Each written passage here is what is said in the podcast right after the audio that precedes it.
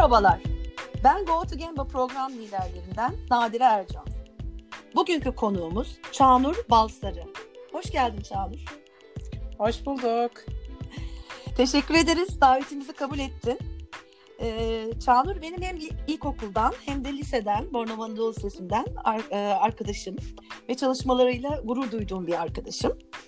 Ee, kendisi 9 Eylül Üniversitesi İşletme Fakültesi'nde profesör, akademisyen.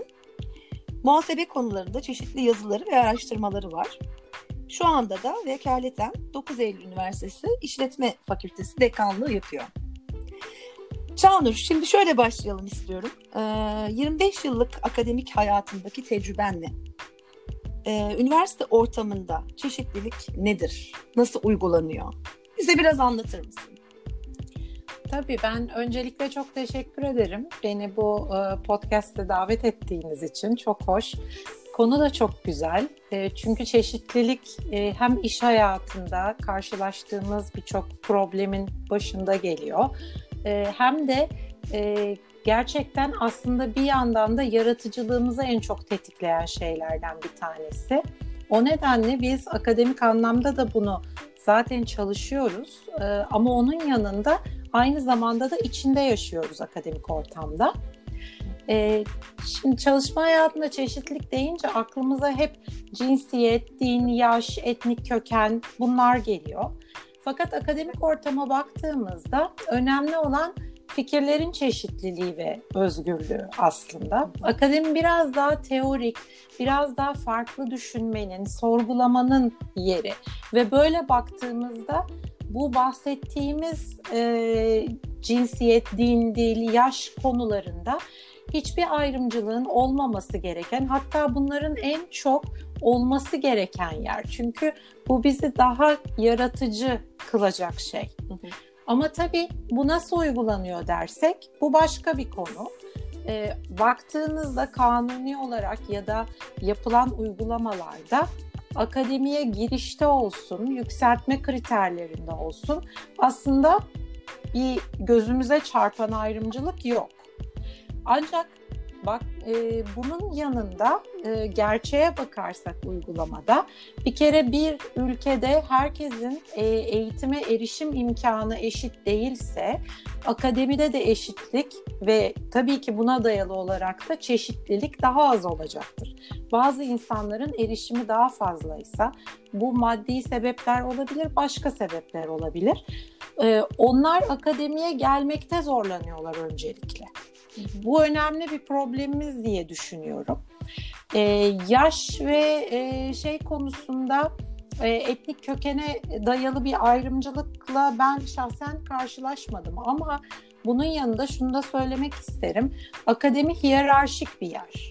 E, akademik hayatta yükselirken hiyerarşik bir yükselme söz konusu ve bir usta çırak ilişkisi söz konusu olduğu için yetiştirilirken yeni akademisyenler hiyerarşiye dikkat edilen bir yer. Bu bağlamda baktığımızda yaş önemli bir faktör oluyor.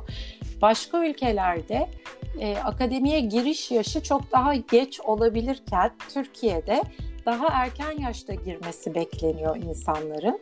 E, çünkü onların yaptıkları işler ve hiyerarşik uygulamalara daha uygun oluyor erken yaşta girmek. Bunu daha çok görüyoruz. Mesela gidip ben bir işte 5 sene bir yerde çalışayım, sonra doktora yapıp akademisyen olayım gibi bir hayat tarzını Türkiye'de daha az görüyoruz.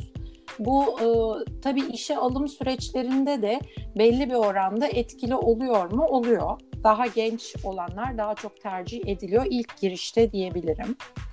E, cinsiyet ayrımcılığı e, en çok e, gözümüze çarpan e, konu. Ben hani kendi anımı söyleyeyim ki ben İzmir'de yetişmiş bir kadınım. E, en çok e, eğitime erişimi olanlardan bir tanesiyim.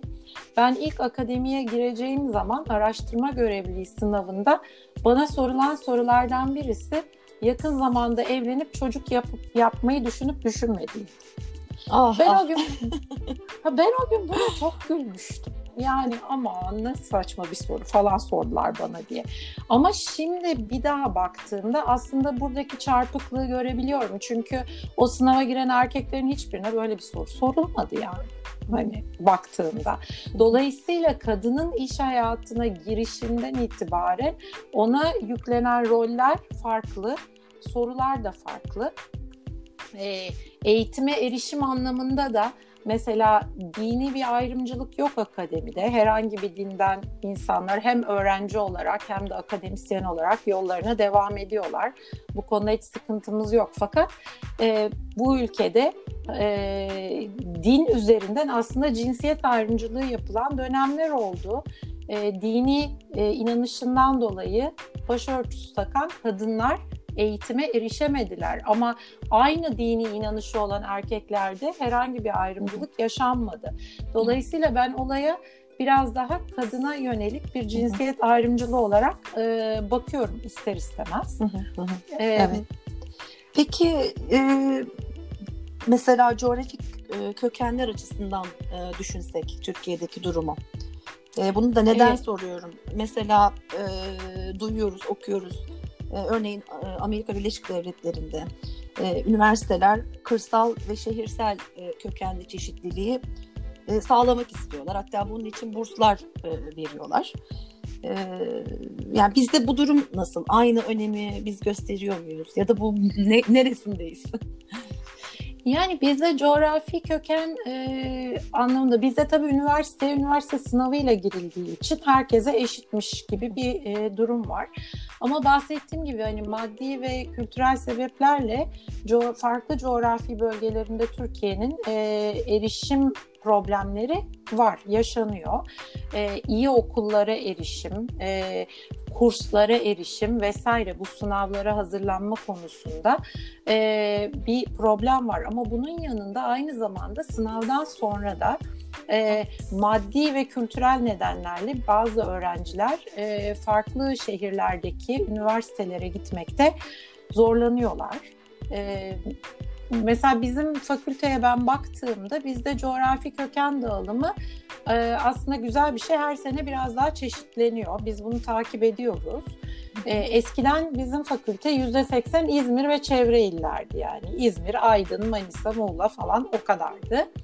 E, ama şimdi %50-50 gibi e, hani Doğu Anadolu'dan, Güneydoğu Anadolu'dan, Karadeniz'den gelen öğrencilerimiz var. Tabii bunu da bilmiyorum. İzmir'in de son dönemlerde çok e, trend şehir olmasından bu kaynaklı. Olabilir. E, o da bir etken. E, fakat tabii bu öğrenciler geldiğinde onları kazanmamız gerekiyor bizim. E, onların hayatlarını kolaylaştırmamız gerekiyor devletin verdiği bir takım burslar var aslında. E, fakat bunlar tabii çok yeterli değil. E, bu insanların barınma, yaşama problemleri var. İzmir'de ucuz bir şehir değil artık. Biz fakülte olarak mesela ufak bir burs fonumuz var bizim. E, hem emekli hocalarımızın e, hem e, öğretim üyelerimizin katkıda bulunduğu. Biz öğrencilerimizi en azından bu aşamada desteklemeye çalışıyoruz. Özellikle e, daha çok İzmir dışından gelen öğrencilerimiz kullanmıyorlar, başvuruda bulunuyorlar. E, onlara e, biraz olsun bir olanak yaratmaya çalışıyoruz. Onun haricinde oryantasyon programları yapıyoruz. Çünkü İzmir'e yeni gelmiş oluyorlar. Hani onları bir e, İzmir'e de alışmaları, okula da alışmaları, kültürel olarak alışmaları gerekiyor. Çünkü biz ülke olarak çok kültürlü bir yapıya sahibiz. E, bunları da e, görmelerini istiyoruz ve bu konuda da çalışıyoruz aslında. Ha her üniversitede ya da her yerde bu bu şekilde yapılıyor mudur?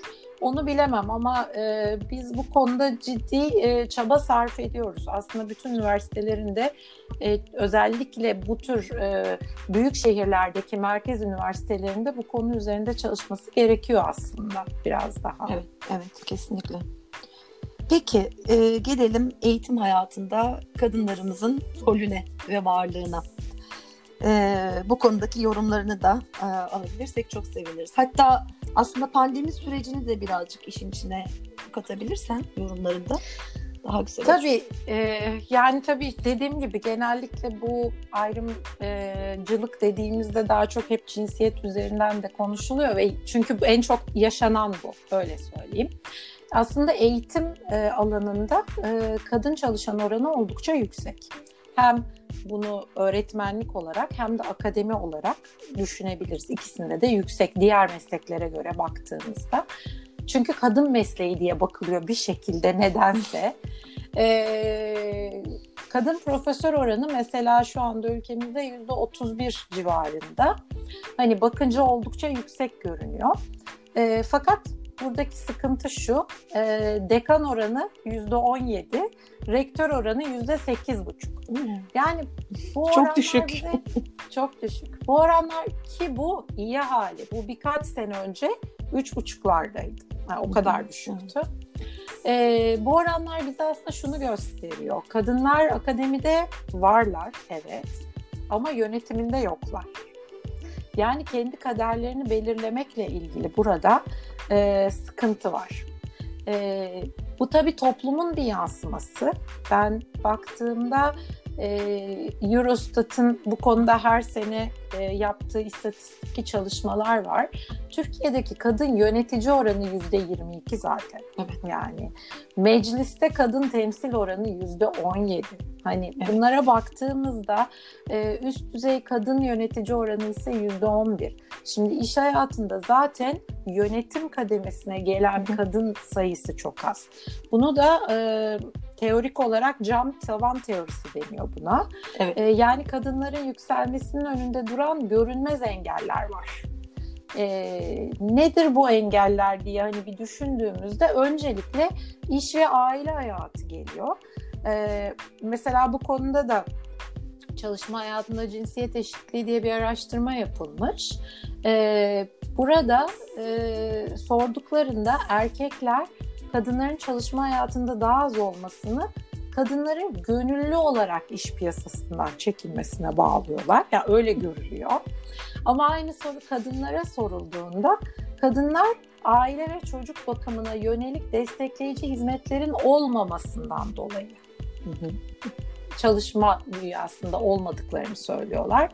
E, dolayısıyla hani bu bir bakış açısı e, önce bakış açımızı değiştirmemiz lazım. E, önce bu kadınların duruşunu görmemiz lazım. Bu destekleyici hizmetlerin artması lazım. E, ve bunu zaten istatistiklerde de yine görüyoruz. TÜİK'te mesela şöyle görüyoruz. İstihdama katılım oranlarında normalde kadınların istihdama katılımı %34. Yine düşük erkeklere göre. Erkekler %72'de. Ama daha ilginci 3 yaşın altında çocuğu olan gruplarda erkeklerin istihdama katılımı %90, kadınların %26'ya düşüyor. Yani çocuk olduğunda kadın bir anda iş hayatında çekilmek zorunda bırakılıyor. O e, şeyler ona sağlanmadığı için. Hı hı. E, bu bence önemli. Hani bunun e, değişmesi. Pandemi bunu nasıl etkiledi dersen hani iş yapış şeklimizi tabii daha çok eve e, yönlendirdi pandemi eğitimde özellikle en başta buraya döndü. Aslında ben bunu biraz şey diye görüyorum. Erkekler de birazcık gördüler yani hem evde olup hem iş yapmanın ne kadar zor olduğunu. Evet. E, çünkü gelip söylüyorlar okulda e, genç arkadaşlarımız hani çocuk var şey var iş yapamıyoruz okula kaçıyoruz diyorlar yani. Dedim ya kadınlar bunu hep yaşıyor yani. E, dolayısıyla o biraz e, yani iş yapış şeklimizi değiştirdi ama çeşitlilik anlamında hani dediğim gibi belki biraz daha empati yapılmasını sağladı diyebilirim alan olarak bizde. Peki e, sen başka üniversitelerle de iletişim halindesin. E, bunu biliyorum. E, çeşitlilik anlamında e, Türkiye'deki üniversitelerimiz e, ne düzeyde karşılaştırdığında ya da başarılı ya da başarısız olduğu alanlar daha çok neler? Yani ben e, tabii üniversiteden sonra e, Amerika'da okudum uzun bir süre. Orada tecrübe edindim hem öğrenci olarak. Daha sonra da e, oraya öğretim üyesi olarak da, misafir öğretim üyesi olarak da gittim. Yani çalışan olarak da bulundum. Şimdi Amerika benim aslında bu konuda ilk gözümü açan yer diyebilirim. Biz Türkiye'de farkında değildik. Yani hiç aklımıza bile gelmemişti birçok şey. Tabii Amerika'da birden bu tartışmanın ortasında buluyorsunuz kendinizi. Çünkü pozitif ayrımcılık diye bir şey var. Mesela biz orada etik dersi e, almıştık. Orada bu tartışılmıştı. Ben çok şaşırmıştım ve hatta demiştim ne demek pozitif ayrımcılık? Kadınlara ve siyahilere e, eğer aynı şartlardaysa öncelik veriliyor işe alınırken ya da okula alınırken bu tür ayrımcılık yapılıyor.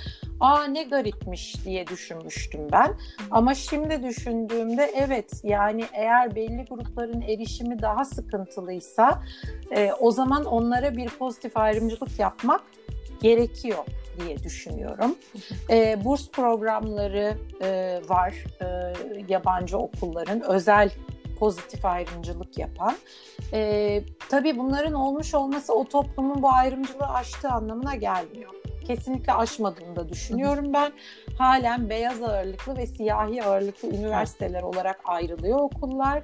Hatta son dönemlerde e, Asyalılara karşı ee, özellikle Çinlere karşı ciddi ayrımcılıklar evet. yapılıyor. Dolayısıyla hani oralarda da aşılmış değil. Fakat en azından tartışıyorlar. Evet. Biz Türkiye'de daha tartışma aşamasında bile çok e, başlardayız diye düşünüyorum. E, mesela biz cinsiyet deyince bunu kadın erkek diye bakıyoruz hemen. Hani bu noktaya kadar da hep böyle konuştuk. Ama mesela bir LGTB konusunu daha hiç tartışmadık bile yani biz evet. Türkiye'de. Daha evet. konuyu açmadık. Çok doğru. Halbuki önce açmamız lazım. Sonra üzerinde tartışmamız lazım. Ee, Avrupa başka bir e, enteresan bir yer. Orada belki hani e, siyahi beyaz ayrımcılığı diye değil ya da kadın e, erkek diye değil e, ama orada da e, etnik ayrımcılık çok fazla. E, Avusturya'da bir okula gitmiştim bir seminer vermeye. İki Türk kadındık. E, İngilizce seminer veriyoruz. Öğrenciler bayağı uzun bir süre bizim Türk olduğumuza inanmadılar. E, neyse en sonunda inandılar fakat ondan sonra da şöyle dediler. Avusturya'daki ve Türkiye'deki Türkler farklı birbirinden. Yani ısrarla kategorize edip ısrarla hani onlar da o etnik şeyi aşabilmiş değiller.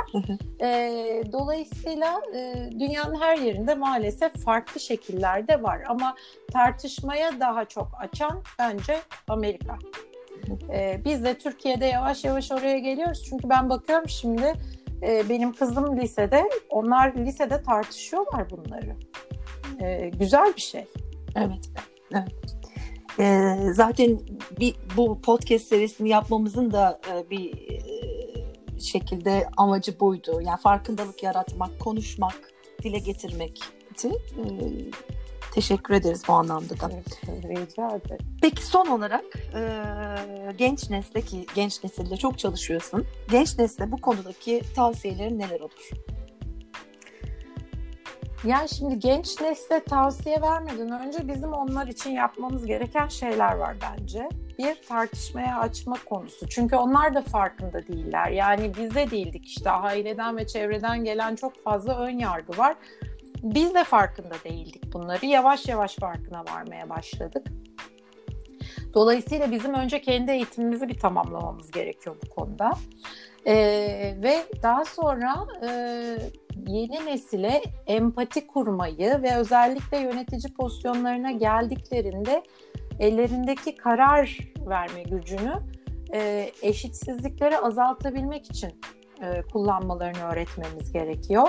Biraz yüreklendirmemiz ve örnek olmamız gerekiyor. Bu da hani baskıcı bir tavırla değil, onları ne kadar serbest konuşmaya itersek, ne kadar sorgulamaya itersek daha yürekli olacaklarını düşünüyorum. E, dolayısıyla bizim davranış tarzımız önemli. E, onun haricinde şunu da anlatmak gerekiyor, bunu tartıştırmak önemli. Aslında bu ayrımcılıktan en avantaj sağlayan gruplara e, bu durumun sürdürülebilir olmadığını öğretmek lazım. Çünkü baktığımızda aslında ayrımcılığın en az olduğu ülkeler, refah seviyesinde en yüksek olduğu ülkeler.